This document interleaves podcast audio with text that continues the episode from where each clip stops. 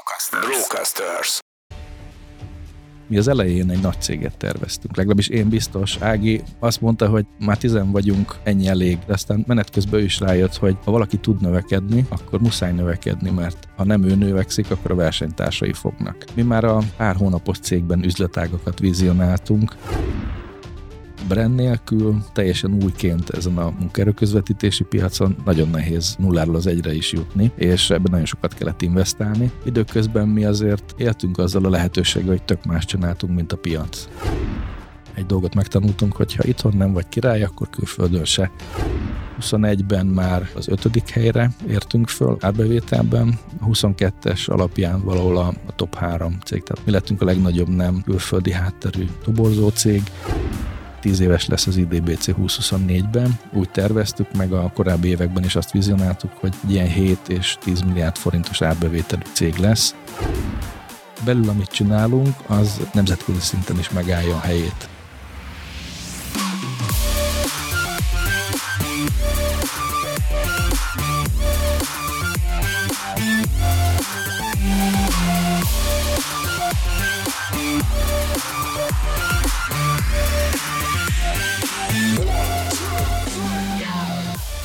Sziasztok, kedves hallgatóink! Ez itt a Business Boys-nak a legújabb része. Illés József a vendégünk, aki az IDBC-nek az egyik alapítója és egyik vezetője. Azért hívtuk meg Józsit, mert egy nagyon, hát igazából elképesztő növekedést csináltak az elmúlt 9 év alatt. 2014-ben alapították az IDBC-t, mindjárt beszélünk arról, hogy mivel foglalkoznak, és elérték a 3 milliárdos árbevételt. Rögtön az elején szeretném leszögezni, hogy ez nem egy szponzorált adás, tehát ugye az IDBC támogatta az elmúlt néhány epizódunkat az előző év végén, ami egy nagyon izgalmas kaland volt nekünk is, de ide azért hívtuk el Józsit, mert olyan növekedést, olyan szervezeti struktúra változtatásokat, fejlesztéseket, olyan brand fejlesztést produkáltak az elmúlt néhány évben, amiben azt gondoljuk, hogy mi is tudunk tanulni. Itt van velem Virág Attila, és Mester Tamás kollega is, én pedig Semmi Adrián vagyok. A hallgatókat. Józsit is hagyjuk megszállni. Szia Józsi! Sziasztok, köszi a meghívást! Te ráadásul egy profi podcaster vagy, mert van a Fel vagy véve című munkaerőpiaci podcastetek, amit gyakran itt forgattok, úgyhogy örülünk, hogy ilyen módon is ismered a stúdiónkat, meg, meg dolgozol velünk, de tényleg itt most az lesz a téma, hogy hogyan nőttetek ekkorára. Tehát akkor ez a Brokinak volt a reklámja, Roki szponzorálja. Tehát a Brocasters, igen. A Brocasters. nem, nem, nem, nem. Ez, ez, egy, ez, egy, ez egy fantasztikus növekedési történet, amit a Józsiek prezentáltak az elmúlt évben, és ahogy összeraktuk az adás tematikát, az volt végig a vezérfonal a fejünkben, hogy hogyan nőttetek ilyen gyorsan, ilyen nagyra. Ugye ez a 3 milliárdos árbevétel, ez 9 év környékén jutottatok el erre a pontra. Nagyon röviden még mielőtt belevágunk ebbe a, ebbe a bontszolgatásba, elmondott, hogy mivel foglalkoztak, és hogy hogy néz ki most így az IDBC-nek a struktúrája?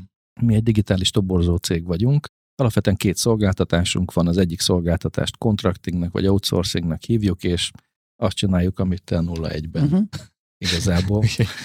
Tehát, Csak nagyba, ti nagyba. Igen. És van 120 informatikus kollégánk, akiket alapvetően nagy vállalati ügyfelek számára kölcsönadunk egész egyszerűen, és napi díjas alapon havi rendszerességgel számlázunk utánuk, de ők a cégünk része, munkatársaink, vannak közöttük munkavállalók, vannak közöttük freelancerek, akik alvállalkozóként dolgoznak, úgyhogy ez az egyik láb, a másik láb pedig munkaerő közvetítés, ahol ugyanúgy az ügyfeleink igényére megkeressük a munkaerőt, a szakembereket, csak nem saját állományba veszük, hanem egy sikerdíjért cserébe átadjuk őket, és ők a megbízónknál fognak dolgozni. Uh-huh. Ez korábban informatikai területre indult, most már SSC-s, pénzügyi, szélszes, marketinges, kreatív pozíciókra, felsővezetői keresésekre is vonatkozik. Jó, oké, tehát akkor van alapvetően két olyan, olyan modul, hogy saját állományba felvesztek ezeket a munkatársakat, akik nem hozzátok járnak be dolgozni, hanem a, az adott kiszervezet, vagy a, tehát annál a cégnél dolgoznak, akivel ti kapcsolatban álltok, és vannak azok, akik soha egy percet nem dolgoztak nálatok, de gyakorlatilag a fejvadászi tevékenységet végzitek el, és van valamilyen fajta sikerdíjatok azért, hogyha el tudjátok helyezni ezeket a későbbi alkalmazottakat, akik más cégekhez mennek. Milyen cégekkel dolgoztok? Nagyon széles a spektrum, ahogy említettem a contracting területen, ott főleg a hazai nagybankok, rengeteg digitalizációs fejlesztésük van, akik igénybe vesznek a belső erőforrások mellett külső fejlesztőket, projektvezetőket, üzleti elemzőket, utility szektor, energiaszektor, olaj- és gázipar. A telkóban nem vagyunk, de szóval ez a mondjuk így nagyvállalati kör, aki alapvetően ezt a szolgáltatást igénybe veszi, És a munkaerő közvetítés az meg nagyon vegyes. Ott a, a hazai KKV-k, startupok, feltörekvő mindenféle IT cégek, SSC-k, shared service centerek, könyvelőirodák, hazai és multinacionális cégek, tehát ott tényleg nagyon széles a skála, hiszen egy pici startupnak is szüksége lehet mondjuk egy jó product ownerre, akit nem tud megtalálni, és mondjuk megéri, hogy ez miatt ne veszítsen időt, ezért megbíz vele bennünket, de lehet, hogy ő neki egész évben nem lesz más ilyen keresése, az egy ugyanolyan ügyfél és ugyanolyan keresés számunkra, mm. illetve van, ahol pedig tízesével jönnek gyakorlatilag a pozíciók könyvelőkre, de egészen mondjuk fizikai dolgozókkal nagyon nem foglalkoztunk eddig, de most már vannak targoncás, raktárlogisztikai munkatársak is, akik így bebecsobbannak, úgyhogy a kék galéros borzásba is kezdünk belekóstolni. Miért éri meg egy cégnek kiszervezni ezt a folyamatot, akár a fejvadászatot, akár azt, hogy nálatok vannak bejelentve, nálatok alkalmazottak a, a munkatársak, de mégis nekik dolgoznak? Nagyon jó kérdés. Hát szerintem itt érdemes az IT szektort és a nem IT területeket külön választani. Az IT-ban szerintem abban képben vagytok, hogy micsoda öldöklő harc dúl azért, hogy egy jó fejlesztőt vagy BI szakembert találjanak a cégek. Egész egyszerűen a, ezen a piacon úgy, hogy valakinek nem a toborzás a core business hanem ő egy digitális terméket fejleszt, és úgy egyébként mm. kellenének a skálázódáshoz erőforrások, az már nem elég. Tehát ehhez ez a specialistáknak a terepe, és mi tudunk igazából vagy tízféle sourcing csatornán találni ilyen fejlesztőket, mert nem csak meg kell találni jó minőségi munkaerőt, de időben kell megtalálni, és az sem mindegy, hogy milyen áron találjuk ezeket meg. Az, hogy miért bérelnek tőlünk erőforrást, egész egyszerűen azért, mert ez főleg a nagy ügyfelekre vonatkozik. Vannak több éves projektek, egy korbanki program, az egyik nagy hazai banknál most 5 kötőjel 8 évre tervezik és ehhez mondjuk a piacról felszívnak 40-50, akár 100 szakembert is, és ez mellett ott vannak a belső kapacitásaik, viszont ezek az erőforrások nem olyanok, hogy egyrészt meg tudnák fizetni mindegyiket, tehát van egy bérkérdés is, hogy jobb nekik temporári ideiglenesen bevonni, és nem munkavállalóként fölvenni. Másrészt ezt a tömeget nem is tudnák megtartani, tehát rengeteg belső olyan hárköltségtől így megszabadulnak, ami a külső vendornak a felelőssége, mint az IDBC. Harmadrészt pedig, hogyha bármilyen probléma van és garanciális csere kell, akkor azzal, hogy mi úgymond nagy üzembe keressük ezeket a szakembereket, rálátunk a hazai részben a nemzetközi púlra, így sokkal hamarabb megtaláljuk. Van, amikor jön egy keresés, és három napon belül kell például egy projektvezetőt prezentálnunk. Tehát ilyen reakcióidővel egész egyszerűen a vállalati HR nem tud minden esetben lépést tartani ez a specialitás, ez, ez, ez honnan van meg nektek ez a, ez a szaktudás? Van, az kilenc éve foglalkoztok ezzel, és ha úgy vesszük, hogy ez, ez elég ahhoz, hogy egy ekkora tudást megszerezzen valaki, vagy én azt hiszem, hogy ti ezt már régebb óta is csináljátok, tehát hogy még kevesebb időtök át rendelkezésre arra, hogy specialistává váljatok ezen a területen. Ennek hogy nézett ki a folyamata, hogy ti ilyen, ilyen jók lettetek ebben? Hát itt ö, megkülönböztetném a, az outsourcingot, vagy contractingot, azt ö, mi már a cégtársammal, a feleségemmel Ágival az előző cégeinkben is csináltuk. A munkaerőközvetítéshez igazából három éve van közünk. Tehát egyikünk se HR területről jött, menet közben tanultuk meg ezt a szakmát, és igazából az volt az alap ötlet, hogy egy contracting businesshez tudtunk valameddig skálázódni, volt mondjuk 10-15 ügyfelünk, de akkor tudtuk a gyors kereséseket kielégíteni, tehát akár 3-4 napon belül, hogyha megvolt a toborzó kapacitásunk. Viszont ahhoz sok toborzót kellett fölvenni, de nem volt annyi pozíció, ami ezt a sok toborzót etette volna úgymond munkával, és azt kerestük meg, hogy mi az a szolgáltatás még, ami ugyanúgy informatikusokat keres, csak nem saját magunkhoz veszük föl, hanem egy más konstrukcióban, és így a munkaerőközvetítést, az IT munkaerőközvetítést találtuk meg, hiszen nekünk teljesen mindegy, hogy úgy keresünk egy jávásfejlesztőt, hogy magunkhoz vesszük föl és bérbe adjuk az ügyfeleknek, vagy valamelyik startup cégnek a megbízásából egy sikerdélyre átadjuk nekik. Úgyhogy mi behalmoztunk egy jó nagy toborzási kapacitást, és mellé raktunk a contracting mellé egy munkaerő közvetítést, és így indult el igazából. De hát menet közben tanultuk meg. Tehát ebben rengeteg buktató volt, sok bénázás, Erről fogunk most beszélni.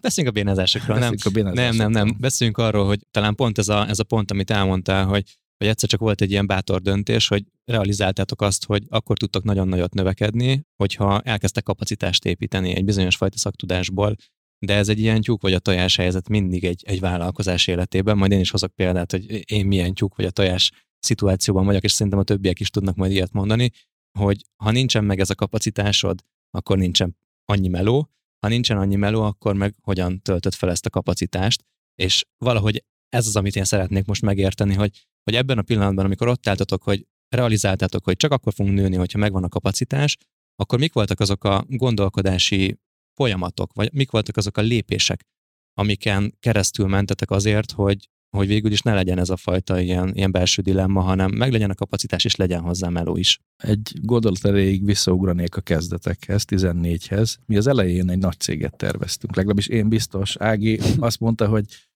hú, hát már tizen vagyunk, ennyi elég, legyen egy platófázis, de aztán menet közben ő is rájött, hogy ha valaki tud növekedni, akkor muszáj növekedni, mert ha nem ő növekszik, akkor a versenytársai fognak. Mi már a pár hónapos cégben üzletágakat vizionáltunk, sőt, mi van egy legendás noszvai évindítónk a menedzsment számára, ugye 15 februárja volt az első, én akkor fölraktam egy ilyen tervet, hogy hogyan képzelem el az IDBC-nek a jövőjét, és annak az öt éves tervnek a végén másfél milliárd forintos árbevételt vizionáltam. Ebben két érdekesség van. Az egyik az az, hogy hajszára elértük a másfél milliárd forintot. Ez uh, nyilván mondanám, hogy én voltam ilyen Ritka ügyes. szerencsé. Miért nem írtál kettőt, és akkor lehet, hogy egy hát igen. a, a, másik, ezt utólag vette észre Ági, hogy amikor a, az öt éves tervet felraktam, akkor tulajdonképpen hat év volt, csak elszámoltam. és uh, 20-20-ra valóban másfél milliárdos volt a cég, ugyanakkor akkor még akvizíciókba gondolkodtam, hogy így fogjuk elérni, meg teljesen más volt az induló portfólió, mert tanácsadással, üzleti megoldásokkal is foglalkoztunk, viszont ezeket képesek voltunk 18-ban eladni, uh-huh. és egy profilt tisztítottunk, staffing and recruitment céget szerettünk volna csinálni onnantól.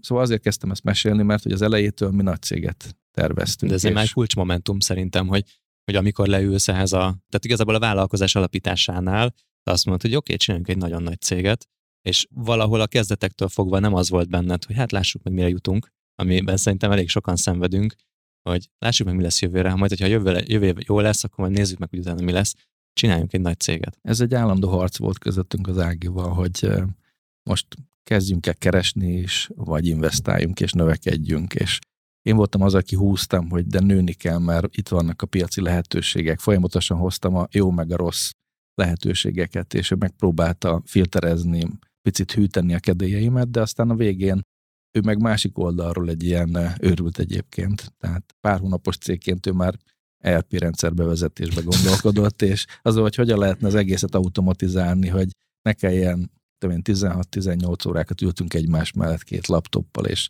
emlékszem, a cashflow-t számoltuk, valami sort elrontottunk. Nem jött ki, csak pár forint hiányzott, és azon egy másfél-két órát nyomoztunk, hogy hogyan lehet az utolsó fillérig minden stimmeljen, és akkor mondta, hogy ez így baromság, így nem fogunk nőni. És akkor tudom, hogy valami, most tudom, a Super Bowl vagy mit nézett, és ott vannak ilyen felhőszoftver reklámok a, a félidőben, abban nézett egy-kettőt. ő, ő, ő, ilyen laza, hogy megnézte, megnézte, hogy a top 5 usa mi ezen a toborzási piacon, letöltötte, ledemozta, lehet, hogy egy napot is beleölt, és azt mondta, hogy ez lesz. Na jó. Azért, azért szerintem sokan szeretnének ilyen feleséget, aki egyrészt Super Bowl-t néz, és mellette cashflow-t számít, és folyamatokat optimalizál. Hát, és rendszereket implementál.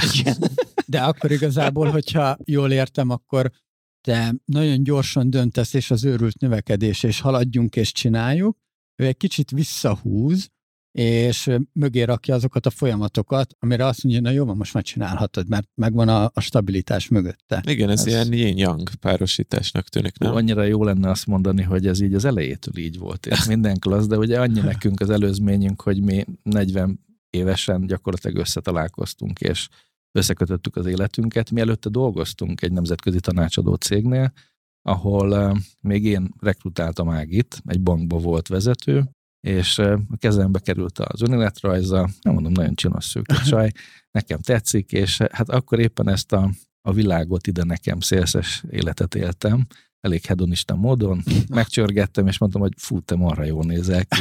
Mindenképpen menjünk el ebédelni, és ez, ez nagy CV, számok törvény, alapján? CV alapján.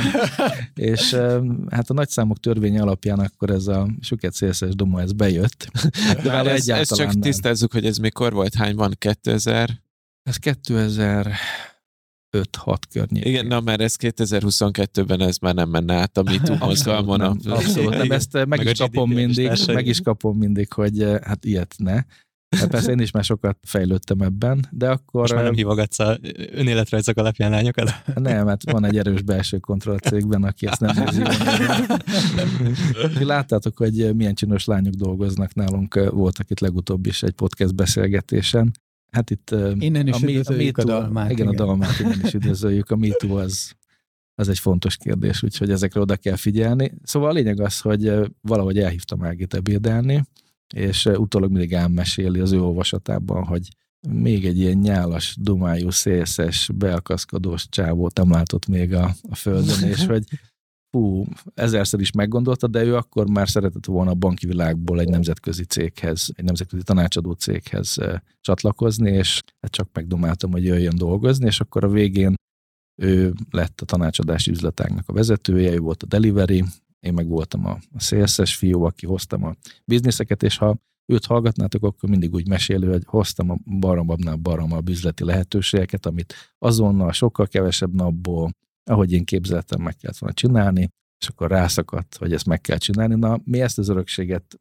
transformáltuk át a cégbe tulajdonképpen, és így, így indultunk, viszont mi már azért nagyon jól ismertük azelőtt is egymást, hogy ki miben jó, meg azt is észleltük, hogy kiegészítjük egymást, mi pont jó érzékkel a, a válság, amikor a 2008-as válság beütött 2010-ben leginkább a mi ügyfeleinknél, akkor találtuk ki, hogy hát unjuk már azt a akkor már hatodik éve voltam szélszigazgató annál a e, nemzetközi tanácsadó cégnél, és hát kitaláltam, hogy milyen jó ötlet lenne egy magyar KKV céghez menni, akik erősek voltak az államigazgatásban, nem volt a piaci szegmensben tanácsadási üzletágok, és Ágit is rádumáltam, hogy mi lenne, ha jönne velem, meg még rádumáltuk 13 embert, vittük a teljes üzletágat, és be, ugye beköszöntött a válság. Hát ez egy éves történet volt, neki egy pár hónappal több. Utána én így szélszesként ugráltam egy-két ilyen IT cégen keresztül, ami nagyon jó volt egyébként, mert sok mindent onnan hoztunk, megtanultunk meg,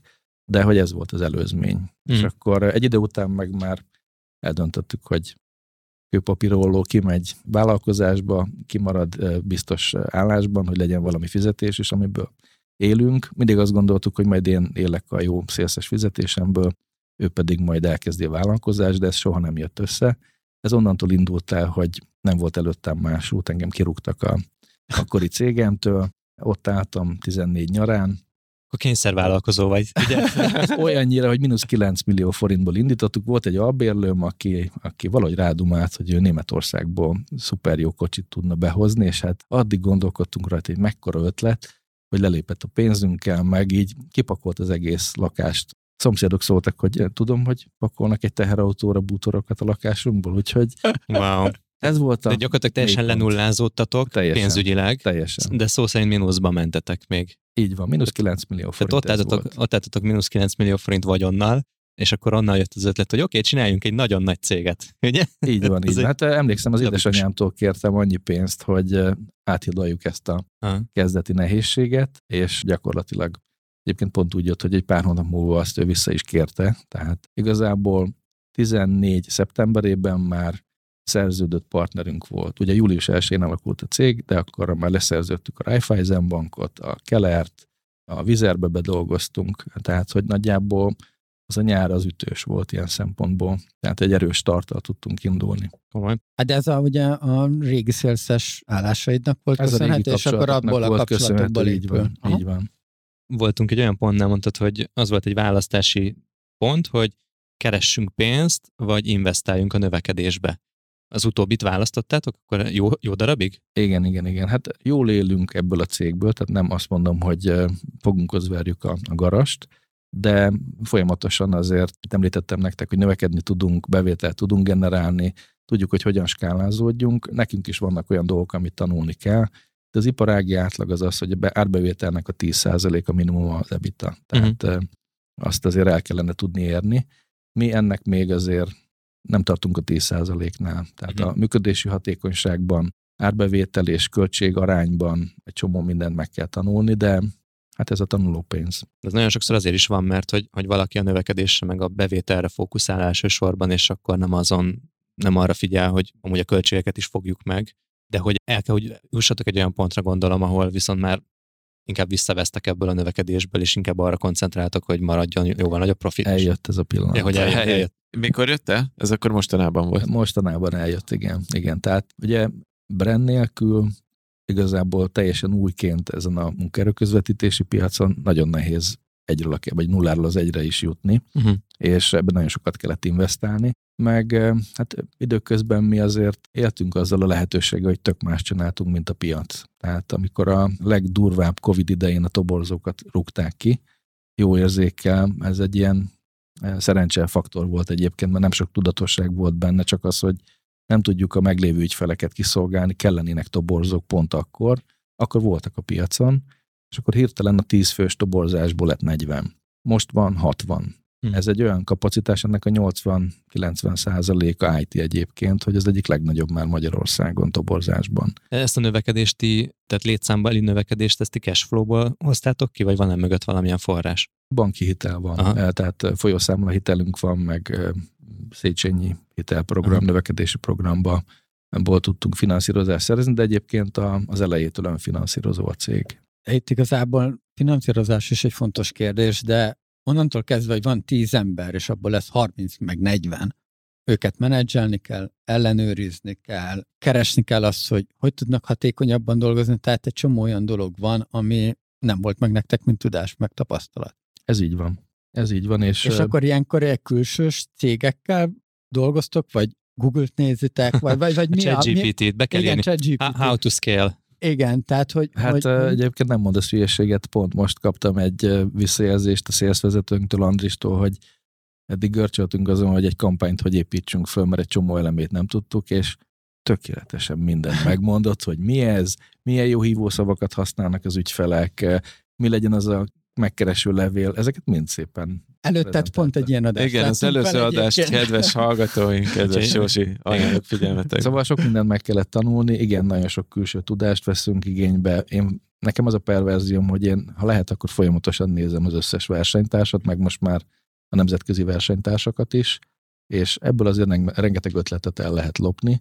A vezetés művészetét viszont nagyon nehéz megtanulni, tehát ez miatt is van egyébként a legtöbb félrenyúlásunk, hogy azt ott nem lehet annyira sietetni, mint mondjuk a szélzt. Mm. Tehát sokkal könnyebb ügyfeleket behúzni, de mondjuk felhúzni egy második vonalat, akik vezetésben, akik felelősséget vállalnak, és ők is utána a harmadik vonalat jól tudják irányítani, hát ez tök nehéz. És Láne proaktívan, kreatívan. Én, ahogy megismertek téged, most már talán két éve dolgozunk együtt ugye a podcastetek gyártása kapcsán, én azt látom nálad, hogy nagyon benne vagy a folyamatokban, nagyon sok mindenben. Benne. Nyilván nem látom azt, hogy most a kor folyamatokban mennyi vagy, el vagy benne, de a kreatív alkotó folyamatokban nagyon mélyen benne vagy. És kívülről így ezt gondolom, hogy talán ezt a legnehezebb nektek átadni ebben a gyeplőt.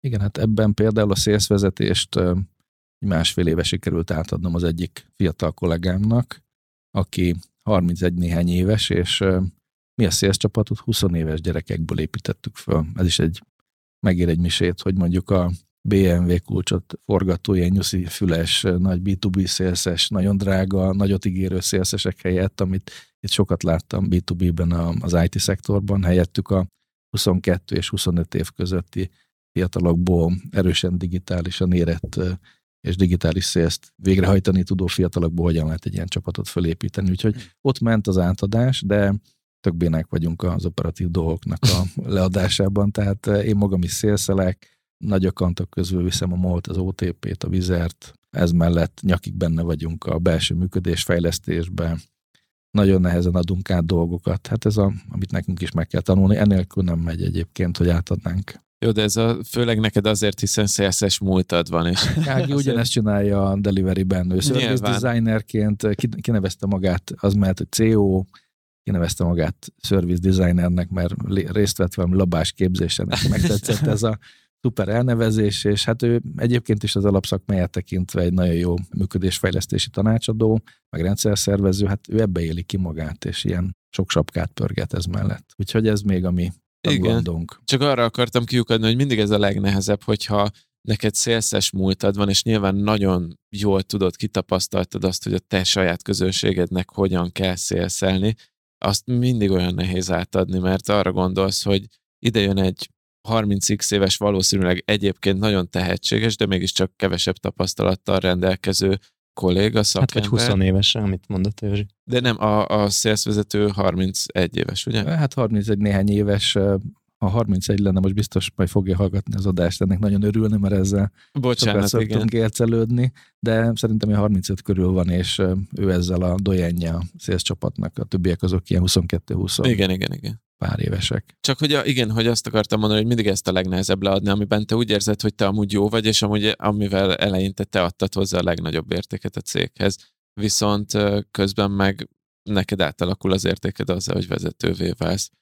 Azt mondtad, hogy másfél éve ezt már ezt átadtad, hogy te ezt amúgy hogy élted meg, hogy utána volt benned olyan érzés, hogy hát azért én jobban csinálnám, vagy olyan érzés volt benned, hogy fú, lehet, hogy fiatalosabban csinálja, vagy, vagy mik, mik vannak ilyenkor? Az a jó, hogy egy csomó mindent jobban csinál nálam. Ezt mm. be tudtam ismerni magamnak. Nem volt könnyű, mert azt hittem, hogy én egy jó szélszes vagyok, és rájöttem, hogy a jó szélszvezető, meg a jó szélszes az nem ugyanaz. Mm-hmm. Tehát én, amiben nem voltam annyira jó, és sajnos ez is a vezetéshez kapcsolódik, hogy hogyan lehet a fiatalokból egy csapatot gyúrni és operatívan őket irányítani. Ezt az Andi sokkal jobban csinálja nálam. Viszont az, hogy őket tűzbe tartani, meg igazából a digitális szélszre ránevelni, abban kell egy kis ösztökélés, és most is csináltunk csütörtökönként egy ilyen challenge data salesnek, ahol abszolút mindenki, mint az állat rá fókuszál az ügyfélszerzésre, jövünk listákkal, őket különböző csatornákon megkeressük, nap elejé stand-up, nap végi stand-up, megnézzük, hogy milyen eredmény volt az elmúlt héten.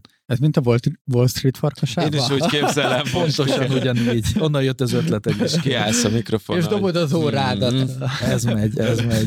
De amikor, amikor szélszeltek, akkor, akkor a, azokat a potenciális partnereket keresitek meg, ahova tudnátok közvetíteni? Igen, tehát uh, itt a, a B2B értékesítésről Aha. szól a dolog, és az a jó, hogy és ezért nem kell nagyon drága, nagyot mondó 40 pluszos szélszesekkel dolgoznunk, hogy az ügyfeleinknek is, tehát mondjuk egy év alatt tudunk az elmúlt évben 96 új ügyfelet szereztünk, KKV céget, ez a tavalyi Atya eredményünk. Most. És ott annyi a feladat, hogy az elején kell egy kis agymunka, hogy hogyan szegmentálunk, megérteni, hogy mondjuk ezt a szolgáltatást ki tudja, akár IT-n, akár nem IT-n, ott belőni, hogy na, akkor nekünk mondjuk a HR vezetők, meg mondjuk a KKV-ba a cégvezetők, ami az elsődleges kontakt targetünk, és hát hál' Istennek a LinkedIn a barátunk, annak mi a Sales Navigator verzióját használjuk, szépen tudunk szűrni, tudunk megkereső szövegekkel operálni. Most már tanítgatjuk a csapatot, hogy vegyék már fel a telefont. Ez ilyen ez z-generációs probléma, hogy nem annyira szeretnek telefonálni. Inkább Snapchat-en küldözik. Ebben rengeteg beszélgetés megy házon belül, de a lényeg az, hogy igazából itt arról szól, hogy megfelelő mennyiségben jó betargetálva csináljad, és csináljad, és csináljad, és működik. Tehát uh, nyilván ez az ügyfelek egyik része, az a konzultatív szélsz, amihez kiállás kell, bizalomépítésem alapul. Nyilván ott a 22 éves gyerekeket először nem veszik komolyan, de oda el tudunk menni együtt, el tudom vinni a folyamatot odáig, hogy kössünk egy keretszerződést, és utána pedig az ügyfélkapcsolatkezelést ők kiválóan tudják csinálni, úgyhogy rájöttünk, hogy itt nem kell misztifikálni a szélzt, hanem tolni a digitális csatornákat ezerrel. De akkor, akkor a, az a driver, ami a, a, a növekedést hajtja az első sorban, ez a proaktív sales nálatok? Ez az egyik driver, igen. A másik pedig, hogy ugye nálunk a biznisz nagyon egyszerű, mert kell ügyfél, kell jelölt, aki annak az ügyfélnek kell. Ez csak egyszerűen igen, igen, igen, igen, igen. Szándékosan, szándékosan egyszerűsítem, és ugye ez egy ilyen libikóka, tehát van most több mint tíz szélszesünk, mondom, ezek majdnem mind fiatal gyerek. A másik oldalon meg kell egy bazi nagy toborzási kapacitás, mm. belőlük van 60 toborzónk, ő közöttük is egyébként több mint 20 olyan egyetemista, akik diák szövetkezeten keresztül jönnek, és semmit nem tudtak korábban a toborzásról, mi tanítjuk meg őket. Tehát pályakezdők gyakorlatilag. Pályakezdők, igen. Aha. és akkor ugye a toborzási kapacitást egész egyszerűen etetni kell pozíciókkal. Ezt a kettőt kell összhangba hozni. Ha az egyik nagyobb, akkor drága. Tehát képzeljétek el, egy milliárd forint a, a humán erőforrás költségünk. Egy milliárd forint. Ezt Felfoghatatlan nekem is kategória. felfoghatatlan. A nettó vagy a bruttó? Ez a brut. Brut- Ez a nettó. Ez a Nettó. Ez a nettó. Hát de kifizettetek a járulékaikat is, meg mindenféle. Ez Szóval most azzal együtt ebbe nem- bér, bónusz, minden Na azért van. az már bruttó akkor. Az úgy, úgy, bruttó. úgy a bruttó, Úgy már a bruttó, ja. és ö, hát nyilvánvalóan ez a 60 toborzó, ez tud csinálni mondjuk 500-550 pozíciót be tud tölteni mondjuk egy, egy, egy év alatt, Uh-huh. és hát hogyha mondjuk egy ilyen 30%-os fülréttel kiszámolja az ember, hogy ez mekkora pozíciótömeg kell, akkor az egy rengeteg, és nyilván ezt várjuk, hogy a meglévő ügyfél, ez kb. 150 ügyfél tudja ezt produkálni, de hát vannak iparági konjunktúrák, meg visszaesések, hogyha valamelyik szektor visszaesik, akkor nyilván kell újakat hozni, mert nyavajgás mindig van, hogy azért nem megy a toborzás, mert nincs elég jó minőségi pozíció. Ha. Akkor nyilván nyomasztom a szélzt, hogy legyen elég pozíció, de azért nézzük a másik oldalt is, hogy elég hatékonyak-e. Ez egy ilyen örök harc. És egyébként mennyire tartotok, tehát hogy itt mondtad azt, hogy a fiatalok, és, és nevelitek ki őket. Én úgy gondolnám, hogy azért, mert még magatokra tudjátok, a cégre tudjátok formálni, azt tud, nincsenek berögzölt rossz szokásai, vagy olyan dolgok, amik öregebb megvannak. De jó, de jó lenne, ha így lenne. Igen? De nem így van, nem így van. Igazából a szélszel még nincs gond. Ott van egy dinamikus mentalitás, ők nyilván az öregeket otthon hagyják, ők elmennek betonhofira és bulikáznak, és pont ezen derültünk, hogy Andis mesélt, hogy úristen, sírnak a szélszen. De hát miért sírnak a szélszen? Hát azt hittem, hogy valaki felmondott, és mondta, hogy nem, hát esik az eső, és betonhofi koncertre mennek, és nem hoztak kabátot. Ezen teljesen letargiába tudtak esni, de ők rendben vannak. A toborzáson viszont marha nehéz, mert egy csomó fiatalnak az első munkahely vagyunk, és hát tényleg, amire nagyon büszke vagyok, hogy nálunk a, a munkatársaknak olyan program van, hogy tényleg a, mindenki megnyalja tíz ujját, tehát képzésben, belső csapatépítésben, eh, CSR programokban, tehát a mindent is kitaláltunk, hogy hogyan lehet ezt építeni. Viszont azt hiszik, hogy mindenhol ez van. Tehát, hogy simán tovább mennek, olyan csiszolatlan gyémántok is egy év után, hogy tök jó, kipróbáltunk benneteket, tehát nézzük meg, még rengeteg izgalmat tartogat az élet számunkra. Na igen, és pont, erre mennek tovább. akartam, és pont erre akartam kiukatni, hogy ti azt, azt méritek, hogy beleinvestáltok egy csomó időt és pénzt egy tehetségnek a kitanításába, és ő utána elmegy a konkurenshez. Hát ez van. Hát főleg nagy multinacionális toborzó cégek előszeretettel vadásszák le. Már azt is megnéztük, hogy a, az egyéves tapasztalat, amikor pont ugranának egy szintet, abban most három-négy munkatársunkat is a piaci eh, nagy versenytársak elvittek, úgyhogy eh, hát rágtam a kefét rendesen, de igazából leültem velük, mindig van exit interjúnk is, meg, meg azért normálisan válunk el. Elmondták, hogy semmi gond. Igazából ők ajánlani tudják az IDBC-t. Szuper, nagyon jól érezték magukat, de mennek tovább. De akkor egy ugródeszkának tekintenek titeket? Sokan igen. Aha. Sokan De ez, ez végül is arra, arra is jó amúgy, hogy tehát ez, ez, hogyha éppen sok tehetséges ember egy időpontban tekint rátok ugródeszkaként, akkor, akkor egyszer ez folyamatosan fejlődik, és egyszerre csak eljuttak arra a pontra, hogy már, már annyira stabilak a folyamatok, annyira jó a brand mondjuk, hogy tudtatok előre haladni, de közben meg értek is menet közben, hogy ez egyszer csak átalakul, Ez egy ilyen nem? iterációs fejlesztés egyébként, igen, hogy igen. mindig a kritikus tömeg, aki lojális és ragaszkodik a céghez, az egyre nagyobb kör. Hmm. Viszont nagyon Igen. érdekes, mert amikor kis cég voltunk, akkor sokaknak az volt az ideális méret. Tehát volt, hogy úgy veszítettünk el munkatársakat, vezetőket is egyébként, akik nem jöttek velünk a növekedési sztoriban. És azt mondták, hogy úristen, ez már ilyen multisodó cég, meg ö, Hmm. úristen, itt teljesítménykényszer van, meg adatalapúvá váltok, és uh, tényleg Borzasztóan hangzik a borzasztóan, és hogy mi úristen eredményeket Basszus, de szeretnénk. pénzt ez- szeretnél keresni ezzel, meg nagy céget szeretnél építeni, szóval ez, ez, Szóval ez nem kiléptek tud nem, máshogy ez, menni. ez, ez, én a munkavállaló oldaláról megértem, én is úgy jöttem el a cégektől, hogy nem mindenkinek az a jó, hogy mondjuk nagy cég. Tehát nekem tulajdonosként nyilván ez az én vágyámom, én, én kergetem, de én megértem, hogy nem mindenki akar ebbe velünk jönni, akkor pofára esés, amikor egyébként jó arc, emberileg jóba vagyunk, szakmailag is jó, és egy nagy veszteség, de tudomásul kell venni, hogy nem mindenkinek mi vagyunk az államcége, csak ezt nehéz volt tudomásul venni. Igen, tehát, hogy még nekem még az előző fejlesztő cégnél volt az, hogy négy vagy öt évvel ezelőtt nettó 200 ezerrel kapott jobb ajánlatot egy banktól, azt mondta, hogy nem megy oda, hogy három hétig meg 86 papírt írjon alá, hogy egy tesztelefon kapjon.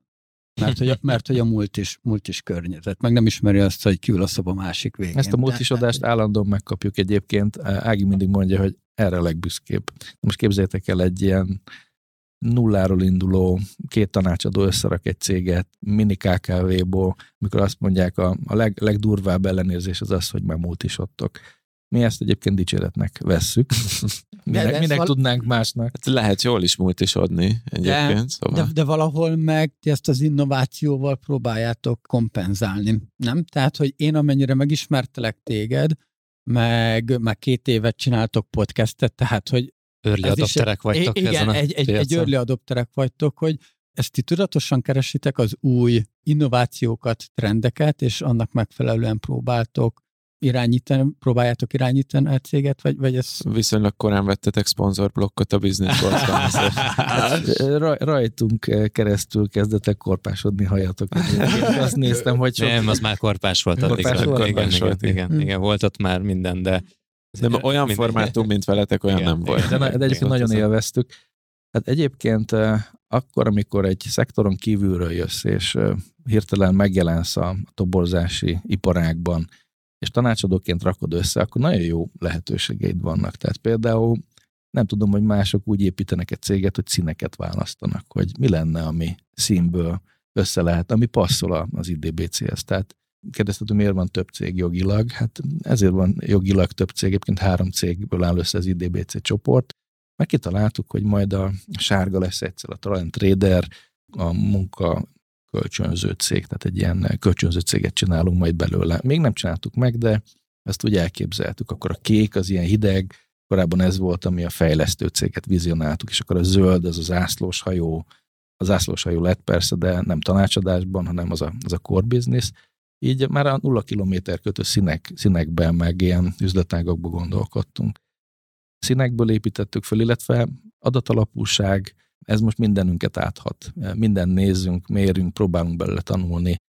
Azon gondolkodtunk, hogy hogyan lehetne mondjuk ötvözni egy online marketing ügynökséget, egy ilyen adatalapú end-to-end business-t, meg mondjuk az, hogy egy freelancer ökoszisztémát behúzunk egy normál vállalati keretek közé. Tehát ilyen out of the box gondolkodtunk nagyon, és ez ilyen nagyon, nagyon ilyen vegyes felvágott lett, tehát nem a, a klasszikus. És sok mindenben nem a tudatosság, hanem a szerencse is vezetett bennünket, hogy azért folyamatosan nézzük a versenytársakat, és akkor először, ami kijött, végignéztük az összes kommunikációjukat, az összes social media jelenlétet, mindent tényleg, hogy mi az értékajánlat. Arra jöttünk rá, hogy egy pár évvel ezelőtt marhára nem volt digitálisan érett ez a szektor, tehát hogy azóta már rengeteg HR, digitális HR megoldás bejött, meg az AI, meg rengeteg mindent tanulgatnak az emberek, de egy pár, pár évvel ezelőtt még a klasszikus Excelből keressük meg az embereket. Maximum a LinkedIn volt a legnagyobb durranás, és ebbe becsobbanni úgy, hogy oké, okay, akkor hogyan lehetne ezt úgy az előnyünkre fordítani, hogy mi akkor egy ilyen digitális recruitment cég leszünk, és akkor mit jelent ez mondjuk a márkaépítésben? Csináljunk podcasteket, csináljunk webinárokat, jelenjünk meg videós tartalmakkal, mert ezt mások nem csinálják. Egy, egy cseh cégtől loptam az ötletet, hogy ők kitalálták, hogy videós álláshirdetéseket csinálnak. Az még akkor nem volt Magyarországon. Marhára nem konvertál, ezt megmondom nektek őszintén. Tehát erre nem annyira jelentkeznek, de vannak ilyen additív hatásai, mondjuk ezen keresztül a toborzóinkat megismerik, a saját márkát építenek, a, a brandnek az építéséhez marhára hozzájárult, meg ez egy jó sztori volt, hogy na, ők azok, akik ilyen videós hirdetéseken keresztül is keresnek. Így már nagyon megérte. És akkor ilyen, ilyenekből építgettük össze mondjuk azt, hogy milyen legyen az IDBC, de mindenből egy picit próbáltunk ebből behozni. Menjünk egy kicsit vissza első év végé, vége környékére. Ott álltok mondjuk már, egyébként az is nagyon brutálisan gyors, hogy ott már 300 milliós árbevételnél tartottatok. Ott állunk nagyjából annál a helyzetnél, amikor azt mondjátok, hogy keressünk pénzt, vagy, vagy investáljunk a, a növekedésbe. Ugye nagyjából ott, ott vagyunk még időben. Ennél a pontnál én most kettő dolgot láttam, amit ti investáltatok, mert ezek szerint úgy döntöttetek, hogy a növekedésbe investáltok. Az egyik a brand építésbe való investálás, a másik meg a kapacitás építés volt. Jól, jól érzékelem, hogy ez a kettő nagy Akkor nagy még a brandben volt? nem. Akkor a brandben még, még a brandben szerintem leginkább 2019-2020 környékén kezdtünk investálni, amikor ráakadtunk, hogy mi staffing and recruitment cég leszünk, és úgy, hogy nincs ismertségünk az iparágban, nagyon nehéz, tehát tudatosan elkezdtünk hozzá brandet építeni. Akkor még igazából egy tanácsadó cég voltunk, akinek marha jó megbízásai voltak nagy ipari cégeket struktúráltunk, mínusz egy milliárdos eredményt fordítottunk át plusz egy milliárdba, és ahhoz csináltunk vagy 20 projektet én működésfejlesztésben. Csak ezek egy idő után elfogytak, és azon gondolkodtunk, hogyan lehetne tovább ott maradni az ügyfeleknél, uh-huh. és akkor kezdtünk különböző üzleti megoldásokkal, CRM-mel, ERP bevezetésekkel, egyedi fejlesztésekkel foglalkozni. Na erre hamar rájöttünk, hogy ez olyan dolog, amihez nem annyira értünk, és Ági is, meg én, és inkább az üzleti típusú, tehát a tanácsadás típusú dolgok állnak nekünk jó. És aztán 18-ban eljött az a pillanat, amikor egyszer csak azt mondtuk, hogy hát basszus, nem fogunk ezzel tovább veszködni. Hát volt olyan ügyfel, aki havi 30 ezer forintos support díjat se akart kifizetni, és ezen öt menedzser gondolkodott, hogy hogyan győzzük meg az ügyfelet arról, hogy mégiscsak fizessen. És akkor az egyik nagy piaci versenytárshoz, IT cég tulajdonoshoz bekopogtattam, és mondtam, hogy érdekli ez az üzletág, és mondta, hogy haha, már két hónapja nézi a cégeinket, a, az embereinket, le akartak bennünket szalámizni, egyenként levadászni, de így nincs pofája. Hm. és korrekt volt, eh, végül fizetett egy normális összeget, eladtuk ezt az üzletágat, és megszabadultunk tőle. Úgyhogy eh, onnantól, hogy ez a balaszt lekerült rólunk, és fókuszáltak kezdtünk el lenni. Onnantól indult el igazából ez a növekedési sztori. Mm.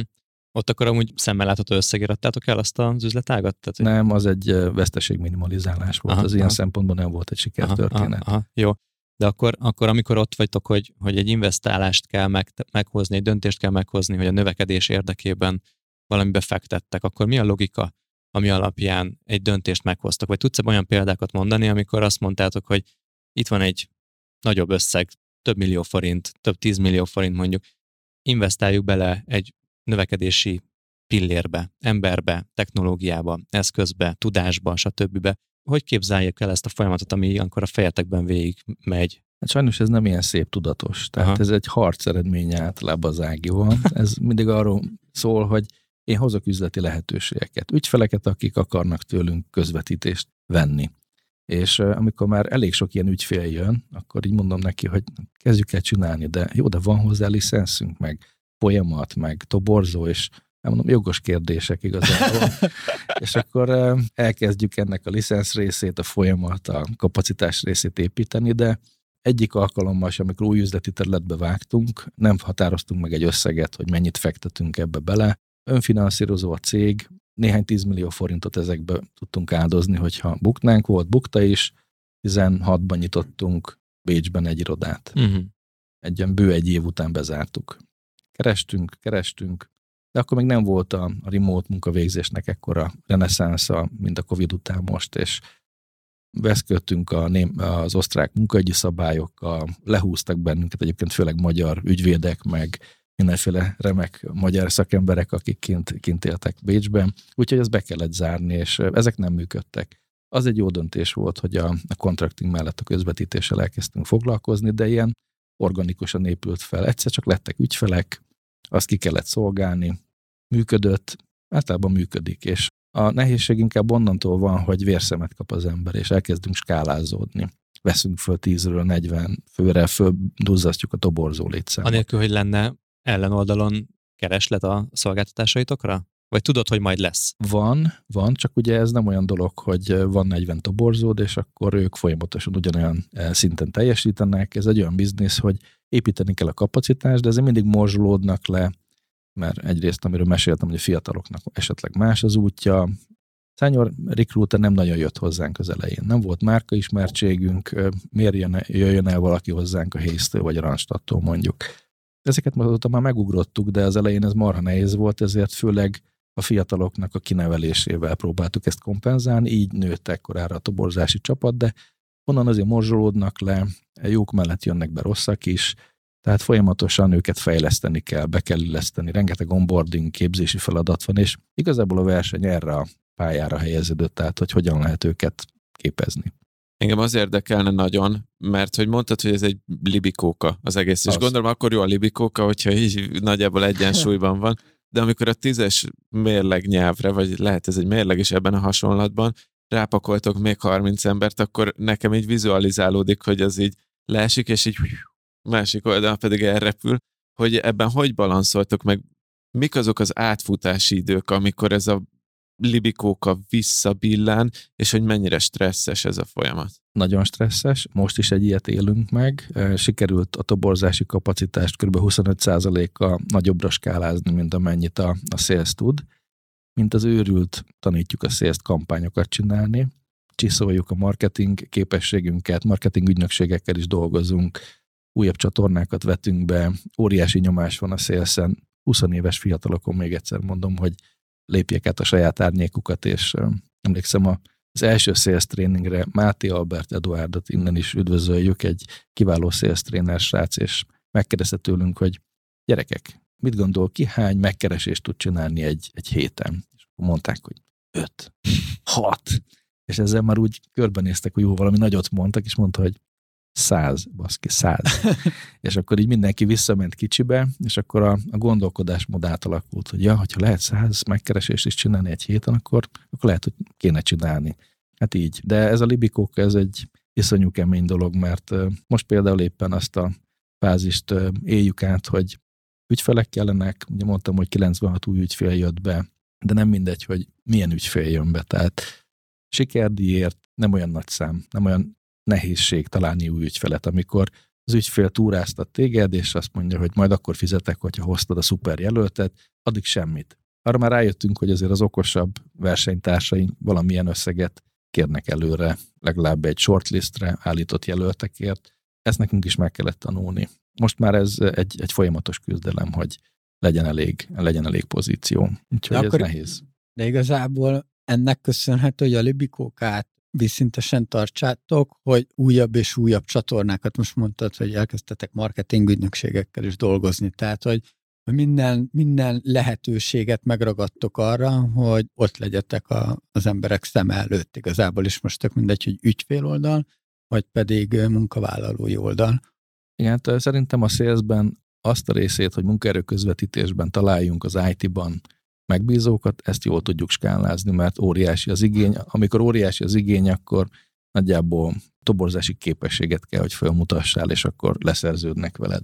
De ugye nem csak IT-nak dolgozunk, hanem új piacokra törünk be, és ott azért mondjuk egy stratégiákat kell végig gondolnunk, hogy egy SSC piacon mondjuk egy ExxonMobil, vagy egy, egy Vodafone SSC miért dolgozzon egy magyar céggel például, és ezeket a, a gátakat kell áttörnünk, vagy a különböző termelőcégek, vagy könyvvizsgáló cégek miért dolgozzanak egy olyan céggel, akinek nincs ilyen tapasztalata.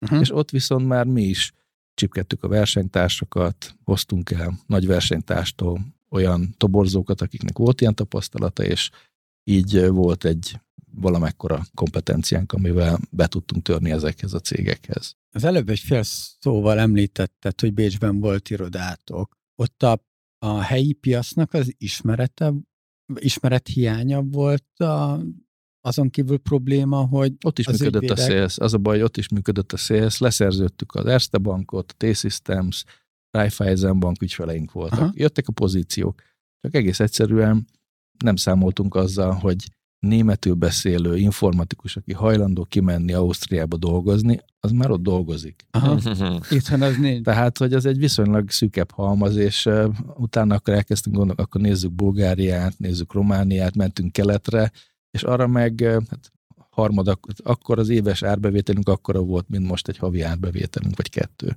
Tehát uh, pici operációnk volt, pici menedzsment kapacitás, erre a szorszoljunk keletről, adjunk el nyugatra modellhez, erre abszolút éretlenek voltunk, úgyhogy néhány 10 millió forintos buktával, de bezártuk ezt a üzleti egységet. Nekem az úgy hangzik, mint egy amúgy papíron jó ötlet, és amíg nem próbálod ki, addig nem derül ki, hogy nem Ez az. pontosan De most már tudjátok. pont az az izgalmas megint, hogy, hogy ebbe már megint bele kellett állni, investálni kellett, vagy abba, hogy fizikailag jelen legyetek, vagy abban, hogy az erőforrásaitokat átcsoportosítsátok, mással foglalkozzatok, és biztos volt egy csomó más egyéb költségetek is ezen. És hogy, hogy én még mindig ezt akarom valahogy így kiénekelni belőled, hogy amikor egy ilyen helyzetben vagytok, akár az, hogy mondjuk nyissunk Bécsben egy irodát, akkor mennyire tudatos ez a folyamat, hogy, hogy egy, egy mérlegre teszitek az előnyöket, a hátrányokat, a költségeket, a potenciális nyereséget, és mi alapján döntötök ilyenkor? Nyilván csinálunk rá egy üzleti tervet, de Aha. ez leginkább arra azért van, hogy meggyőzzük magunkat. Tehát a döntés már megszületik ilyenkor,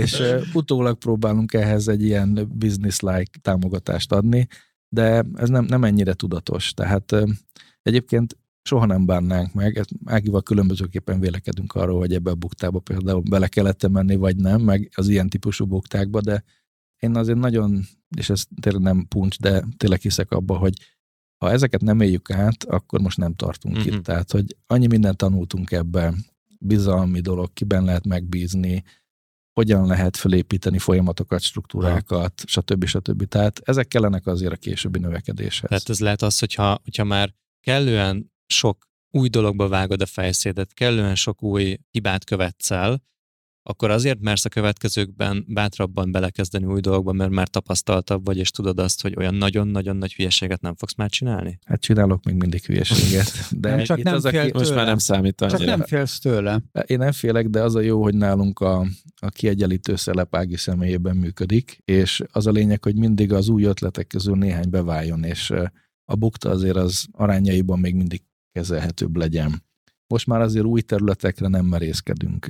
Most már az üzletfejlesztés, a skálázódás ezen az iparágon belül zajlik, tehát itt mondjuk maximum abban tudunk hibázni, hogyha a libikók elbillen, és mondjuk a toborzási kapacitásnak a költsége az annyival nagyobb, amit finanszírozni kell, és nem tudja a szélsz időben ezt visszabillenteni, de ez már nem olyan dolog, mint mondjuk a, a bécsi terjeszkedés, de ez is csak részben igaz, mert rengeteg költségünk euróban jelenik meg, nekünk is szükségünk van eurós bevételre, nyilván nézzük a lengyel piacot, a cseh piacot, nézzük a, a DAH országokat, hogy hogyan lehetne akár remote magyar informatikai kapacitásokat értékesíteni.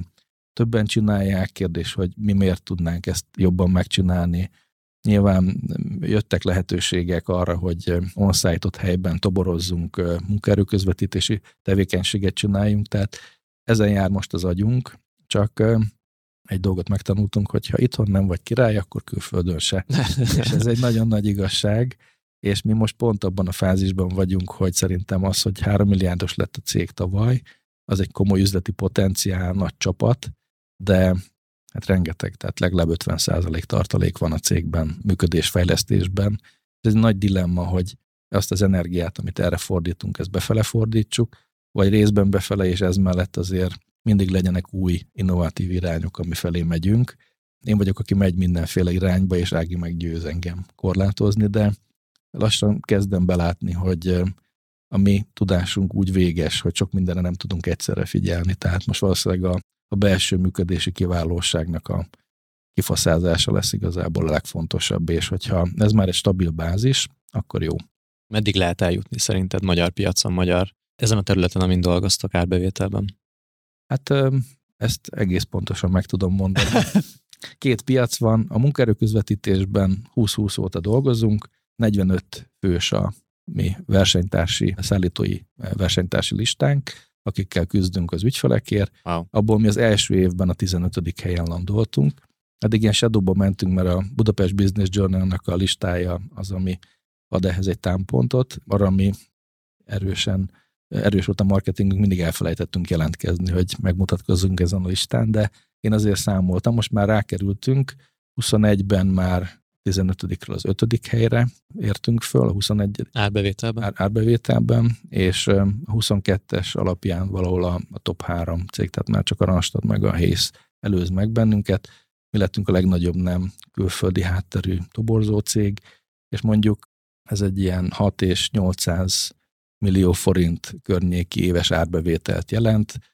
Ahhoz, hogy ott piacvezetők legyünk, ahhoz mondjuk 5,8 milliárdot tudnak most a, a két piacvezető cég, tehát őket kell legyőzni. Egy jó kérdés, hogy eh, ez mikor fog megtörténni. Uh-huh. Tehát ez az egyik üzletág, ugye? Ez az egyik üzletág. Aha. A másik, akkor ott van másik... egy három kötőjel ötszörözési lehetőség nagyjából? Vagy ezt igen. Aha. igen, igen, igen. Tehát mondjuk egy háromszorozás még kell ahhoz, hogy mondjuk piacvezetők legyünk. Igen, az a ti növekedésetekkel akkor egy-két éves.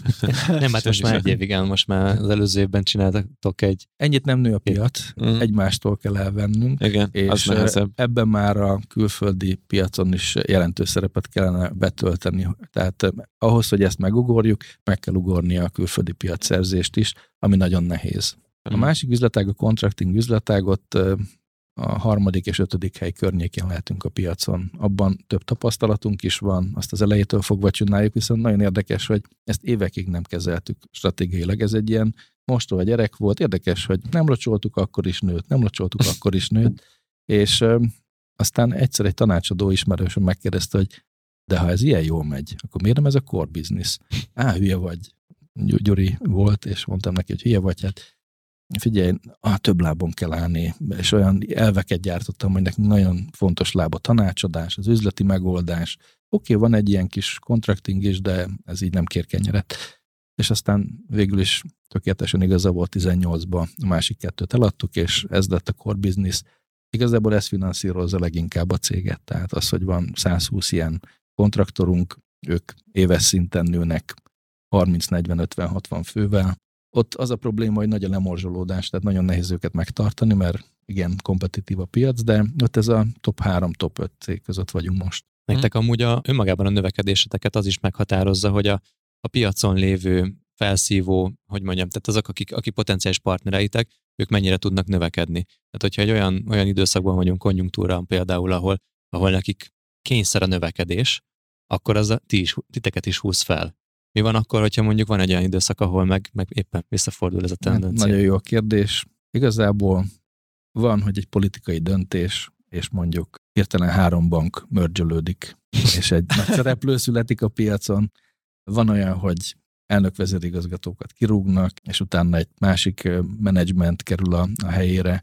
Nálunk volt olyan, hogy két-háromszáz milliót egy tolvonással kellett kiúzni az üzleti tervből egy ilyen döntés során, mert mondjuk tíz tesztmenedzserünk dolgozott egy ügyfélnél, és utána más vezető lett, más irányvonalat képviselt, állami háttér volt, és ez ment. Úgyhogy van ilyen is, tehát ez lehetőségeket is dob föl. Nyilván, amikor mondjuk a BB-nél dolgoztunk 20 emberrel, az egyik... Nálunk?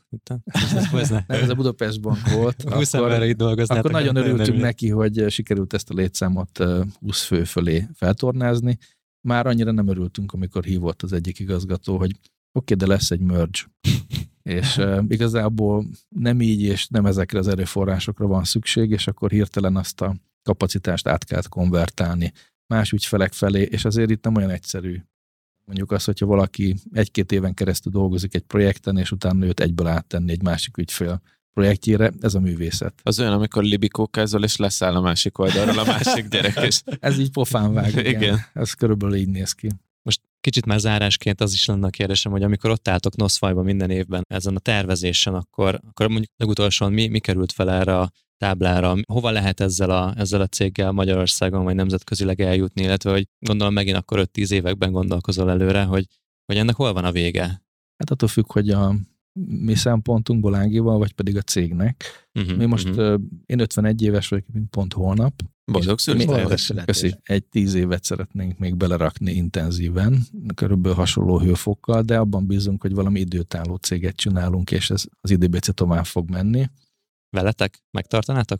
Megtartanánk, igen. Tehát beszéltünk erről sokat Ágival, hogy ez nem pénzkérdés, hogy exitáljunk és ebből egy jó összeget realizáljunk, hanem annyira jó kollégákat sikerült összegyűjteni. Nem mindenki szeret bennünket, a kollégák közül sem. Tehát itt nem akarok egy ilyen eh, szirupos eh, zárszóba fulladni, de van néhány nagyon olyan ember, aki sokat jelent, és az, hogy mondjuk miattuk bemenni, meg ökörködni, együtt rögni az ebédnél, inspirálódni, ezért mások pszichológusokat fizetnek meg, tréningekre járnak el, nekünk meg készen megvan, és igazából ez adja a sava borsát az egésznek. Úgyhogy eh, amikor tavaly, egyébként most megyünk majd néhány hét múlva újra a kilencedikre, és van egy ilyen mitikus, hogy tíz éves lesz az IDBC 2024-ben, mi ezt úgy terveztük, meg a korábbi években is azt vizionáltuk, hogy egy ilyen 7 és 10 milliárd forintos árbevételű cég lesz. Egyébként pont mosolyogtam, mert mikor készültem a, erre az adásra, és megnéztem az első megkereső levelet felétek, akkor Tominek volt egy blogposztja, hogy hát nálunk nem fog vendég lenni olyan, akit nem mi hívunk, aki bejelentkezik, az kuka. És akkor így el És ti jelentkeztetek be? Én bejelentkeztem 21 elején. Ezt küldtem neked tegnap. Ja, De oké. ezt egyébként pont tegnap elküldte egyébként. Ja, Jót, jót, rögtem rajta, hogy ó, mondom, itt az elején ezt elcsesztem. A nagy lelkesen, ugye én előtte egy fél évvel kezdtem egy podcastet hallgatni, és ti voltatok az első üzleti podcast, amit... De az a, az a poszt, az egész pontosan úgy szólt, hogy onnantól, hogy bejelentkezel, onnantól legalább egy év, még, izé, még átfutási idővel vendég lesz valaki. Mert Hogy hogy nem izé- emlékszem erre a kitételre. ez benne de- van de most elhiszem, a blogpostban, hogy ez elhiszem. egy jó szabály volt, és végül is ott, Sikerült amikor is. így beszpícseltem magam hozzátok az első megkereső levélben, akkor abban az volt, hogy hát majd 10 éves cégként 7 milliárdos árbevételünk lesz, az még így 21 elején volt szerintem, tehát ebbe azért sok remény volt, akkor még ilyen 2 milliárd körül volt a cég, de azóta megint egyel közelebb léptünk hozzá a 3 milliárdos árbevétellel, és azzal, hogyha ezt az 5 milliárdot mondjuk jövőre tudjuk hozni, akkor a 24-re nem elérhetetlen egyébként. Úgyhogy ez a terv, és közben a nyereségességet és a, az, hogy belül, amit csinálunk, az nemzetközi szinten is megállja a helyét. Ez, ez nagyon fontos, hogy ahogy tapasztaljuk, egyre tapasztaltabb tulajdonosok meg vezetők vagyunk, érdekes, hogy a, a növekedés fét is, meg az árbevétel fét is, az egyre kevésbé számít, Mm. és az, hogy mondjuk vannak benchmarkok, amivel versenytársakhoz mérjük magunkat, azok nagyon is számítanak. És most inkább erre a területre helyezzük át a meccset. Hát sok sikert akkor ez a, ez a szép jubileumhoz, hogy érjetek meg hozzá a kitűzött célokat is. Úgyhogy köszönjük szépen, hogy eljöttél, és köszönjük szépen azt, hogy több indirekt és direkt módon is támogattátok már a Business Boys, úgyhogy ez szuper, és örülünk, hogyha még a partneri kapcsolatunk majd a jövőben is együtt, Ugye tehát több tud- podcastet tud tervezünk, úgyhogy úgyhogy szerintem még lesznek podcastjaitek, lesz, úgyhogy szerintem még fogunk együtt dolgozni, meg, meg hát ezt a, lehet, hogy a tíz éves sztorit majd, majd meséld el nekünk, úgyhogy köszönjük szépen, hogy velünk voltál. Kedves hallgatók, hogyha szeretnétek hasonlóan jó, eh, inspiráló történeteket olvasni vagy hallgatni, mint amit a Józsitól is lehet, akkor, akkor gyertek az átcsoportunkba, iratkozzatok fel az Impulzus hírlevélre, amit Mester Tomival közösen írunk, és nagyon sok vállalkozós gondolat és vállalkozás fejlesztési ötlet van, úgyhogy eh, ez a két olyan terület még, amit tudtok tőlünk fogyasztani, illetve hát a korábbi epizódok. Köszönjük szépen, hogy velünk voltatok, és ez volt már a Business Boys Podcast, Illés Józsival, aki az IDBC-től volt velünk, Virág Attilával, Mester Tomival és Sándor Adrián vagyok. Köszönjük, hogy velünk voltatok, kövessetek minket Youtube-on is, Instán is, Facebookon, mindenfelé Youtube-on iratkozzatok fel, nézzétek ott is, mert hogy például ez az epizód is meg lett videóra rögzítve, úgyhogy igyekszünk még ilyeneket csinálni a jövőben is, bevesszük a Youtube-ot is, nem csak a podcastet, úgyhogy haladunk korra mi, és köszönjük szépen, hogy velünk vagytok, sziasztok! Köszönöm szépen, sziasztok!